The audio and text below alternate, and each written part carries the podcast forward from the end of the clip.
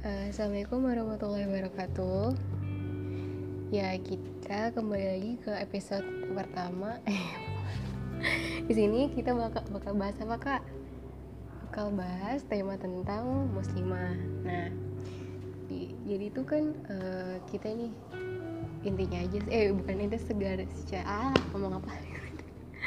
intinya muslimah itu uh, kita harus bisa menjaga rasa malunya karena apa? Karena e, letak kehormatan dan derajat yang tinggi seorang muslimah adalah pada rasa malunya.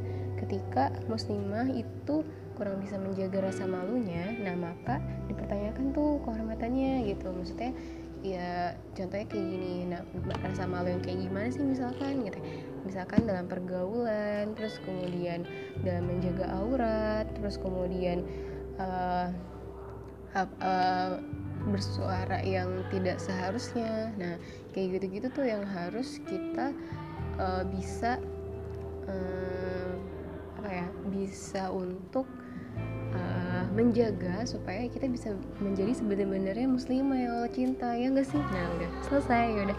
Assalamualaikum warahmatullahi wabarakatuh. Kembali eh selamat eh.